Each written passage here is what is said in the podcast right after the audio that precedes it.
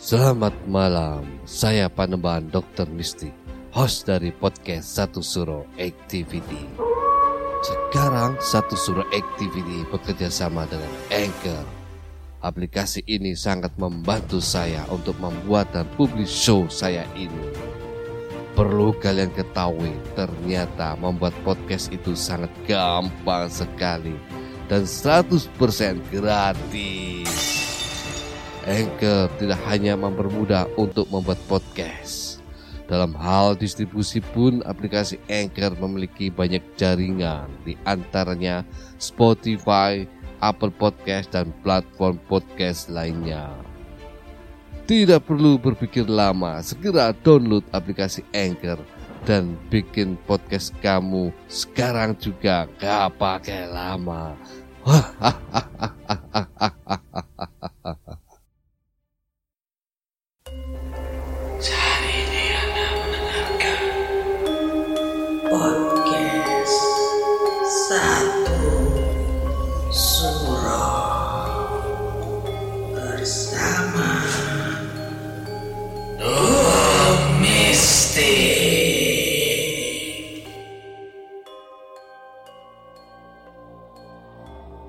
Assalamualaikum warahmatullahi wabarakatuh.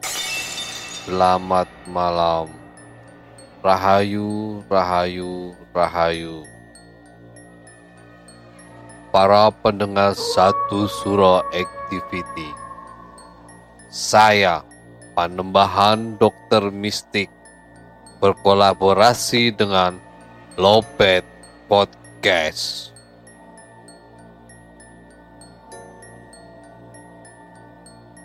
Terkadang kita lupa mengucapkan salam dan doa ketika bepergian ke suatu tempat yang asing dan singgah di tempat asing tersebut. Sehingga kadangkala mengakibatkan sesuatu peristiwa yang misterius tanpa kita sadari. Seperti halnya kisah mistis terjebak seperti labirin di Tuban dari Andre Ashari, podcaster Lobet Podcast. Selamat mendengarkan episode spesial ini.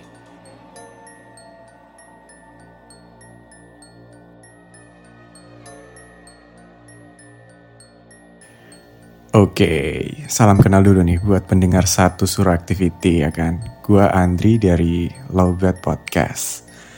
Ah, kali ini gue bakal cerita tentang pengalaman gue waktu gue traveling ke Tuban waktu itu. Jadi gini ceritanya. Ah, gue tuh salah satu orang yang skeptis ya sama hal-hal yang berbau gaib gini sebenarnya. Tapi lately eh, belakangan ini gue tuh semakin percaya gitu loh dengan hal-hal semacam ini karena satu persatu mulai ada aja eh, tanda-tanda bahwa mereka itu eksis, mereka itu ada gitu loh. Nah, eh, cerita ini berawal dari temen gue yang minta tolong dianterin ke Tuban waktu itu. Anggap aja temen gue ini si Roy ya. Nah, si Roy ini eh, anak Indihome. Jadi gue waktu itu nganterin si Roy ke Tuban buat ketemu sama mantannya. Nah, eh waktu gua OTW dari Surabaya ke Tuban itu nggak ada apa-apa. Hmm, lokasi lebih tepatnya, lokasi persisnya maksud gua itu di Tambak Boyo kalau nggak salah. Jadi buat teman-teman di Tuban yang dengar podcast ini mungkin kalau kalian berasal dari Tambak Boyo, daerah Tambak Boyo, kalau kalian merasa relate atau bener nih ceritanya ada, ke coba deh konfirmasi ke Mas Andi. Jadi di Tambak Boyo itu konon katanya ada satu jalan yang di mana jalan itu keramat. Jadi setiap lewat situ kita harus ngebel dulu, kayak ngasih ngasih isyarat gitu loh. Ngetin aja, ngebel sekali. Eh, istilahnya apa ya? Kulonwon. Istilahnya ku- eh, kulonwon. Dari Surabaya ke Tuban ke Tambak Boyo itu nggak ada apa-apa. Yang kenapa-napa itu justru waktu baliknya. Hmm, rencana gue sama temen-temen sama si Roy ini nggak mau balik malam-malam karena memang di sana di desa apa namanya di sana di desa mantannya si Roy ini itu jam 6 ke atas udah nggak boleh ada, udah nggak boleh ada aktivitas. Jadi kita udah harus pamit sebelum azan maghrib berkumandang. Tapi sayangnya karena waktu itu si Roy emang jarang banget udah hampir 2 tahun kali nggak nyamperin mantannya ya. Jadi orang tua si mantannya ini suruh nginep aja gitu loh jadi kita di udah terlanjur dibikinin makanan apa segala macem ya kan makan malam. Tapi karena gue bilang udah gue uh, kita balik aja gue juga harus balik nih. Akhirnya kita untuk uh, kita memutuskan untuk balik jam 6 sekitar jam 6 jam 6 pas. Nah waktu balik ini jalan itu udah bener-bener gak ada penerangan sama sekali. Dan lampu mobil gue juga redup karena lampu depannya kan di Scotland dikasih stiker gitu digelapin itu jalan setapak pak yang gue lewatin. Dari rumah mantan si Roy sampai ke Pantura. Itu bener-bener jalan setapak. Uh, dan apesnya uh, gue di jalan itu tuh kayak disasar-sasarin gitu loh. Jadi gue muter-muter di jalan yang sama. Ada kali sekitar tiga kali. Tiga kali muter di jalan yang sama. Kalau kalian pernah tahu ceritanya Coban Rondo kalau nggak salah ya. Coban Rondo atau Alas Alas Purwo bukan bukan Coban Rondo Alas Purwo. Katanya kalau di Alas Purwo tuh kan sering di sasar-sasarin gitu kan kayak masuk dimensi gaib. Nah itu gue kasusnya sama. Jadi setelah ngelewatin jalan keramat, jadi jalan keramat ini ada kayak gapura gitu. Terus di kanan kanan jalannya yang deket deket jurang itu ada pohon beringin gede banget. Tapi pohon beringinnya udah nggak ada daunnya sama sekali. Jadi udah pohon pohon gede tapi kering gak ada daunnya. Nah waktu lewat situ udah lewat itu tiba-tiba jalan tuh sama terus kayak situ-situ aja. Wah gila mana bensin bensin mobil tuh udah merah dan dari desa ke Pantura ke pom itu masih butuh sekitar setengah jam lebih. Panik gak? Bensin udah merah dan itu masih diantah berantah. Posisinya juga susah sinyal di situ. Gila, panik banget gue. Tapi karena gak berani apa-apa ya, gak berani ngomong apa-apa atau tanya yang aneh-aneh, ya gue fokus aja nyetir gitu. Karena emang bener-bener gelap banget. Uh, singkat cerita, tiba-tiba gue tuh keluar.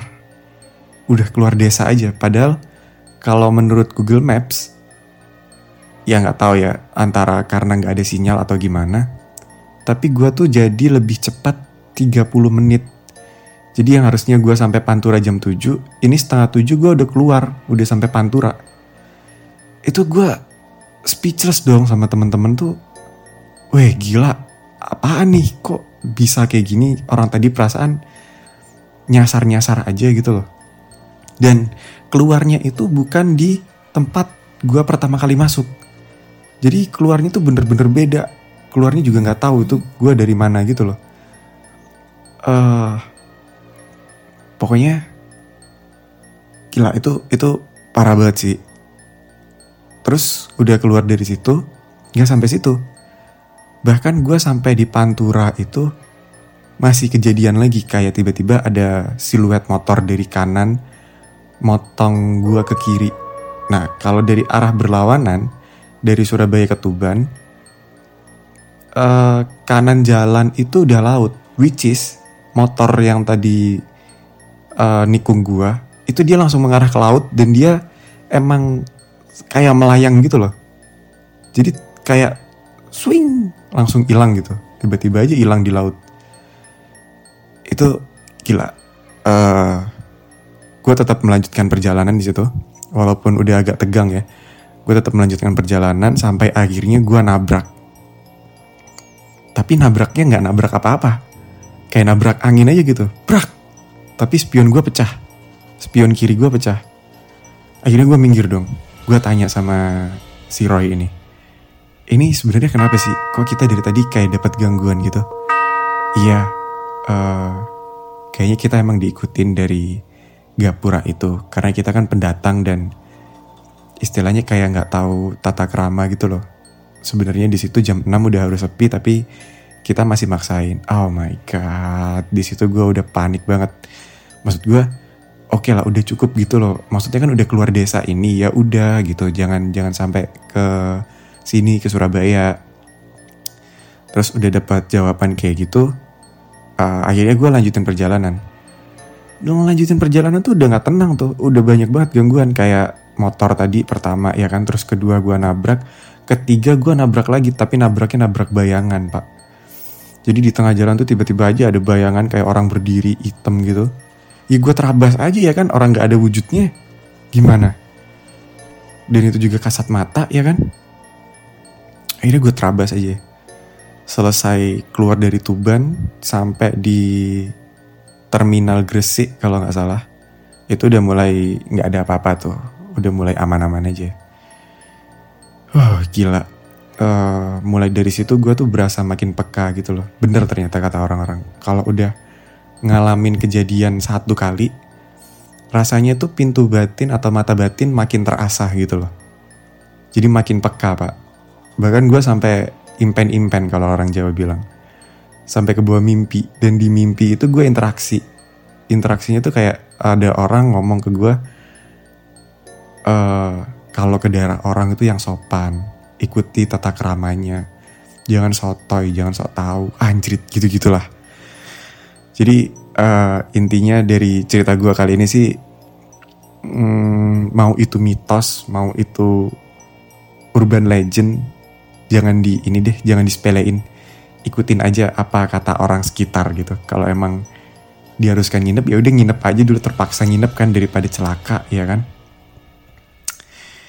Uh, sementara dari gua itu dulu uh, menurut gua itu cerita 21 hid 21 tahun gua hidup ya. Menurut gua itu cerita horor terekstrim gua. Jadi so far uh, itu dulu cerita dari gua. Kalau kalian penasaran siapa gua sebenarnya, coba deh main-main ke Lowbat Podcast. Gua Andri pamit undur diri. See you on the next episode. Para pendengar satu suro activity, hendaknya jika kita bepergian, jangan lupa untuk berdoa dan salam.